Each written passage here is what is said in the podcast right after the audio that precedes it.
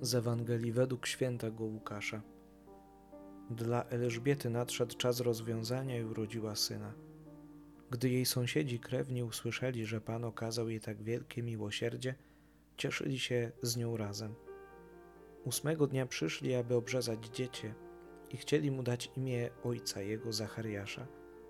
Ale matka jego odpowiedziała: Nie, natomiast ma otrzymać imię Jan. Odrzekli jej: Nie ma nikogo w twoim rodzie, kto by nosił to imię. Pytali więc na migi jego ojca, jakby chciał go nazwać.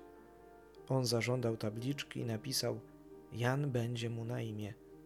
I zdumieli się wszyscy. A natychmiast otworzyły się jego usta i rozwiązał się jego język, i mówił błogosławiąc Boga. Wtedy strach padł na wszystkich ich sąsiadów. W całej górskiej krainie Judei rozpowiadano o tym wszystkim, co się zdarzyło, a wszyscy, którzy o tym słyszeli, brali to sobie do serca i pytali: Kimże będzie to dziecię? Bo istotnie ręka pańska była z nim.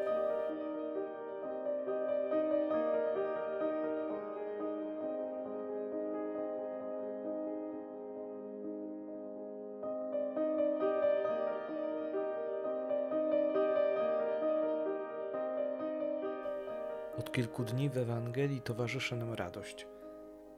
I można powiedzieć, że z każdym dniem jest ona coraz większa, jakby Pan Bóg szykował nas na bardzo podniosłe wydarzenie. Dziś radość spowodowana jest z narodzin Jana Chrzciciela.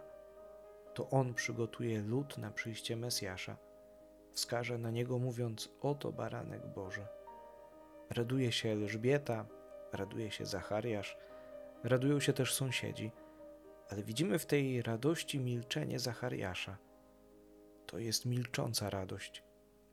Czasami doceniamy pewne rzeczy dopiero wtedy, gdy ich zabraknie. Pan Bóg zorganizował Zachariaszowi takie wielkie rekolekcje w milczeniu. I to dzięki nim ojciec Jana Chrzciciela zrozumiał, kim będzie jego syn i jak wielką rolę odegra w historii zbawienia.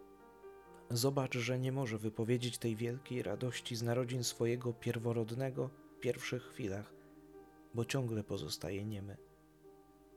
Radość z pewnością go rozpiera, ale usta nadal milczą. I dopiero kiedy ludzie pytają o imię dziecka, po napisaniu na tabliczce jego język rozwiązuje się. My także musimy stanąć w milczeniu, w ciszy, żeby nie zagłuszyć wielkich wydarzeń w naszym życiu. Milczenie i cisza pomagają nam w koncentracji, większej uwadze na symbole, znaki, które daje nam Bóg. Wejdź w ciszę, ciszę dzisiejszego dnia i oczekuj wielkich wydarzeń.